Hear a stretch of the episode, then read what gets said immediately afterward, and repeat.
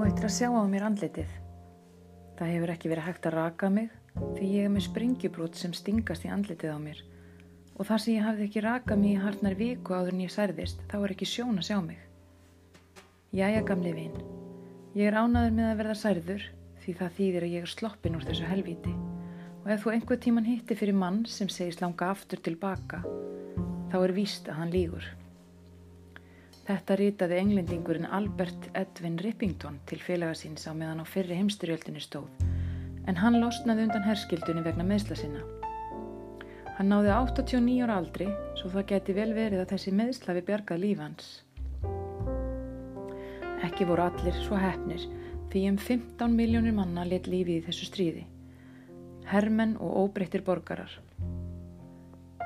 Í þessum þætti fjalla ég um þessa styrjöld aðdragandan, stríðið sjálft í aðalatriðum og stríðslokin. Við gerð handrit stuttist ég við kjenslubókin okkar, Styrjaldir og kreppa, blaðsýður 16 til 39, en auk þess stuttist ég við netið, en mér finnst vísindavifurinn einna helst bjóða upp á góða viðbútt.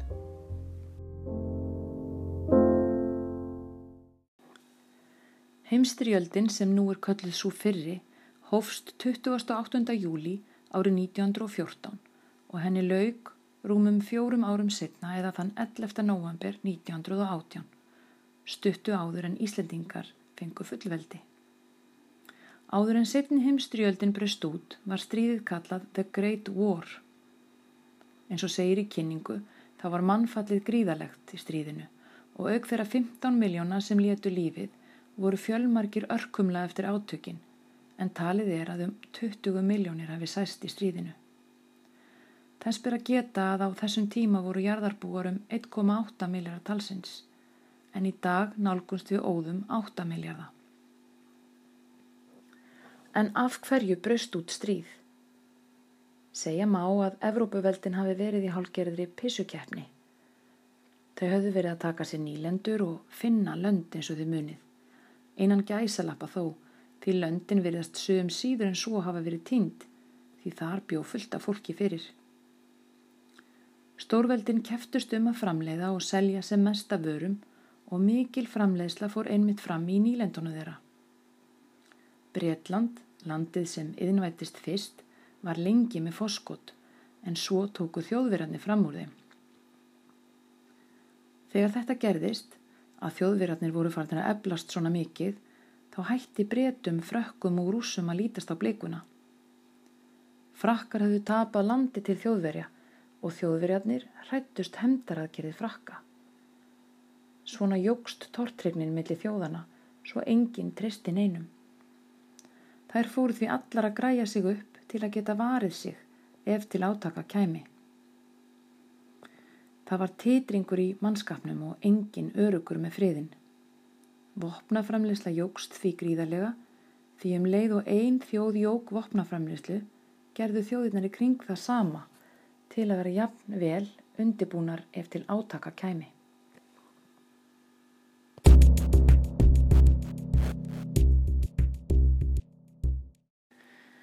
Til að standa enn betur að víi fóru þjóðirna svo að ræða samstarf sín á milli, að mynda bandalög Þrýveldabandalagið var bandalag miðveldana Þískalands, Östuríkis Ungveralands og Ítala. Östuríki og Ungveraland voru á þessum tíma í konungssambandi en það leistist upp í kjölfaráttakana sem nú voru í þann myndað brjótast út. Og ríkin voru köllu miðveldin einfallega vegna þess að þau voru mitt á milli ríkja sem voru óvinnir þeirra. Ítalir kusu síðan að vera hlutlausir þegar stríðbreyst út en samþyktu setna að berjast með hinuliðinu. Frakkar, rússar og brettar gengur svo í bandalag til að geta þá staðið saman gegn þrýveldabandalaginu. Bandaríkin blönduðust í málinn setna og þá í lið með frökkum rúsum og bretum og þekkist þeirra bandalag helst undir heitinu bandamenn. Á blaðsíðu 25 er kort sem snjált er að skoða. Segja má að allt hafi verið á söðu punkti og ekki þurfti mikið til að stríð breytist út. Sumari 1914 var austuríski erðaprinsinn Frans Ferdinand myrtur á samt eiginkonu sinni af serbneskum þjóðurni sinna og var það drópin sem fyldi mælin. Áður en langt um leið logaði Evrópa í ófríði og ekki leiða lungu áður en þjóðir utan hennar höfðu líka bæst við. Mannskapur var sendur frá nýlendunum til að hjálpa til í stríðinu. Til dæmis voru Indland og Ástralja breskar nýlendur og þá komu innfættir frá þessum löndum til að berjast fyrir hönd breyta.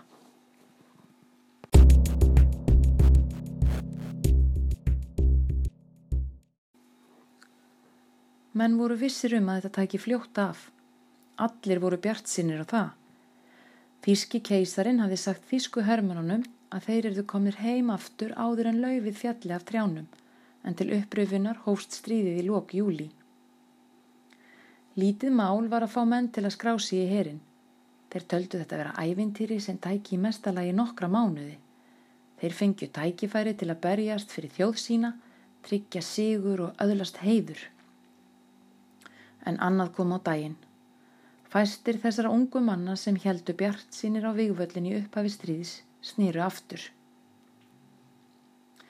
Bretar börðust líka með aröpum gegn Tyrkjum, Japanir börðust gegn þjóðverjum og árið 1917, þremur árum eftir að átök hófust, blönduðust bandaríkjaman í málið. Til að koma í veg fyrir að bretar og frakkar gætu flutt inn matvæli, vopn og aðrar mikilvægar vörur höfðu þjóðverjar fyrirskipað að kábátar skildu sökva öllum skipum sem fluttu vörust til þessara landa, sama hvaðan þau kæmu. Skip bandarækjamanna urðu fyrir þessum kábáta árósum og þó þeim hafi fundist þetta vera stríð sem Evrópuþjóðunar yrðu að útkljá sín á milli, þá var þeim nóg um þegar þeir mistu sína menn og ákváðu að segja Þískalandi stríð á hendur.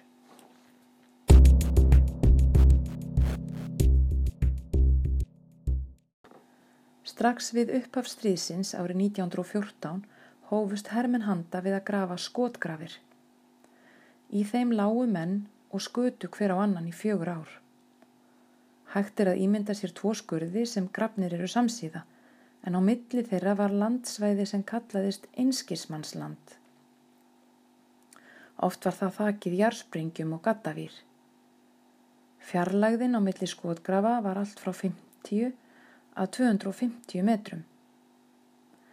Yfir þetta svæði þurftu menn að fara til að ráðast á skotgrafir óvinnarins en auðveldar var að verjast því úti á bersvæði var erfiðar að forðast bissukúlur en ofan í gröfunum sjálfum. Talið er að lengt skotgrafana hafi náðum 2500 kilometrum. Til samanburðar er ringvegurinn á Íslandi 1321 kilometr þannig að menn höfðu grafið skotgrafir sem náðu næstum tvo ringi kringum Ísland. Stærstur hluti skotgrafana var um 1-2 metrar á breytt og 3 metrar á dýft. Menn börðust og dói við þessar aðstæður en sára lítið vannst af því. Segja má að margir menn hafi látið lífið til einskis.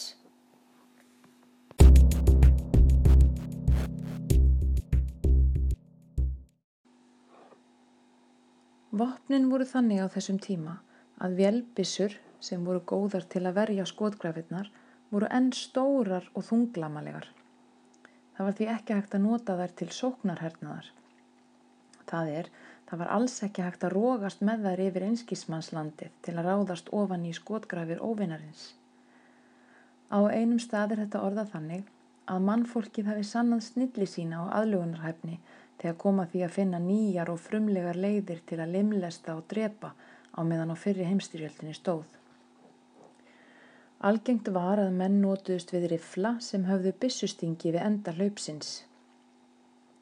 Þá gáttu þeir bæði skotið og stungið menn á stöttu færi. Undir lókstríðsins þróuðu breytar skriðdrega en þá mótti nota til að ráðast á skotgrafir. Þeir riðu þó engum úrslitum í stríðinu því dýrt og sinnlegt var að framleiða mikið af þeim. Oft er fyrri heimstyrjöldin kölluð nútímastríð af því að þar var barist með nútíma vopnum en líka af því að ríkin sem börðust voru innríki. Þar voru verksmiðjur þar sem hægt var að framleiða reyðinar bísna vopnum og öðrum viðbúnaði. Hafa verður í huga að það fylgir því gríðalegur kostnaður að vera í stríði. Fæða þarf alla hermennina, sjá þeim fyrir vopnum og skotfærum og fatnaði. Þegar þjóðverjar voru farnir að berjast á nokkrum víkstöðum, það er dreifa hermennum sínum á marga staði og kosta og koma mat og vopnum til allra, datt botnin úr þessu hjá þeim og þeir mistu móðin. Þeir eruðu að gefast upp í nóvember 1918.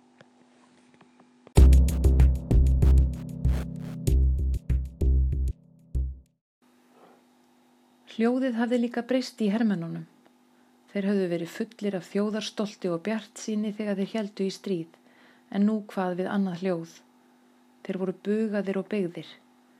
Þeim fannst stríðið tilgánslust og tilfinning þeirra að líf þeirra væri lítilsvirði því þeim væri sóað eins og spilapenningum. We're here because we're here, sungu þeir. Það er ekki hægt að lýsa því hvaða áhrif það hefur haft á mennina að sjá félaga sína nánast föðra upp í tilgangsleysi stríðsins. Sumir gengu um eins og í leiðslu eða urðu beinlinni skeðveikir.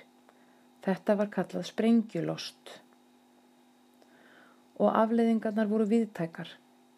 Til dæmis hafi týðkast á þessum tíma að karlinn inni úti, það er úti á vinnumarkaði. Hann vann fyrir launum á meðan konan vann heima við að sjá um heimilið og börnin. Nú þegar karlani fór í stríð þá losnuðu störf í mörgum greinum sem bjóti pláss fyrir konurnar en þær neittust líka margar hverjar til að fá sér vinnu til að vinna fyrir peningum til að lifa af. Þetta breytti þó miklu fyrir stöðu konunar því hún fekk tækifæri til að sína sig og sanna og það komi ljós að þær gáttu vel unnið mikilvæg störf eins og karlmenn og reyndust ómetanlegt vinnuafli fjárveru þeirra. Aftur og móti þurftu þar flestar að láta störf sín aftur í hendur karlana eftir stríðið. Þetta hafi þó breytt stöðu kvenna og í mörgum löndum fengu þar kostningarétt eftir heimstriöldina. Á Íslandi fengu konur kostningarétt árið 1915. Matarskortur var víða og var herin látin ganga fyrir þegar koma því að útdeila þeim mat sem þó var framleitur. Margir óbreyttir borgarar dóu úr vannæringu. Það var líka mikilvægt fyrir stjórnvöld að fólki þeirra stitti stríðið og hermennina. Stríðsfréttir voru því matreitar vandlega ofan í almenna borgara. Áróður er þegar til dæmis kvikmyndir eða vegspjöld eru nótuð til að hafa áhrif á skoðanir fólks og áróður var einmitt notaður til að sannfæra almenna borgara um að hinnir hefðu byrjað stríðið og að andstæðingarnir væru vondir. Frettir voru snirtar til, til dæmis máttu þýsk blöð segja frá því ef þeir náðu yfir á þeim yfir skotgröf englendinga en alls ekki fjalla um það hver margir þjóðverjar letu lífið í árósinni. Bref Hermanna voru líka reytskoðuð, það er einhver frá stjórnvöldum las yfir brefin og passaði að í þeim væri ekkert sem kæmi sér illa. Á þessum tíma var ekkert internet eða neitt slíkt og auðveldar að fela staðrindir fyrir fólki.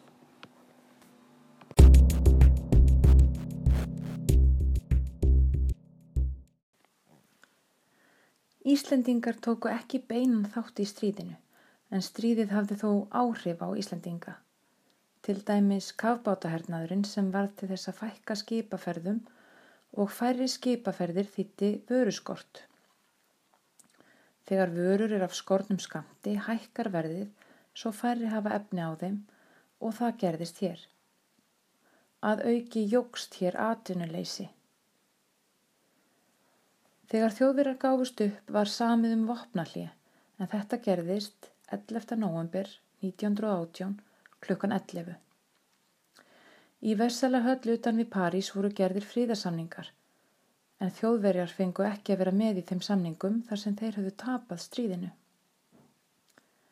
Niðurstaða samningsins endur speklaði miklu leiti vilja frakka og englendinga til að refsa þjóðverjum og allir það miklum sárendum meðal þjóðverja að þeir ættu að taka á sig alla sökina þegar þeirra trú var að þeir hefðu aðeins verið að verja sig.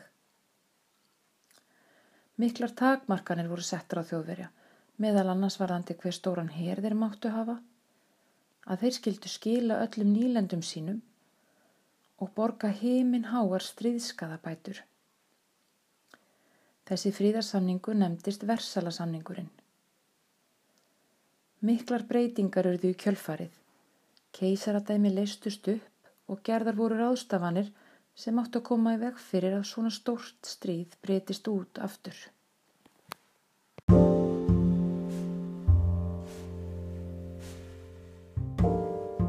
Fyrri heimstyrjöldin var því mjög áhrifamikil. Næri 64 miljónir hermana voru kvattar til vopna á stríðsárunum. Yfirgreifandi meiri hluti þeirra voru Evrópubúar.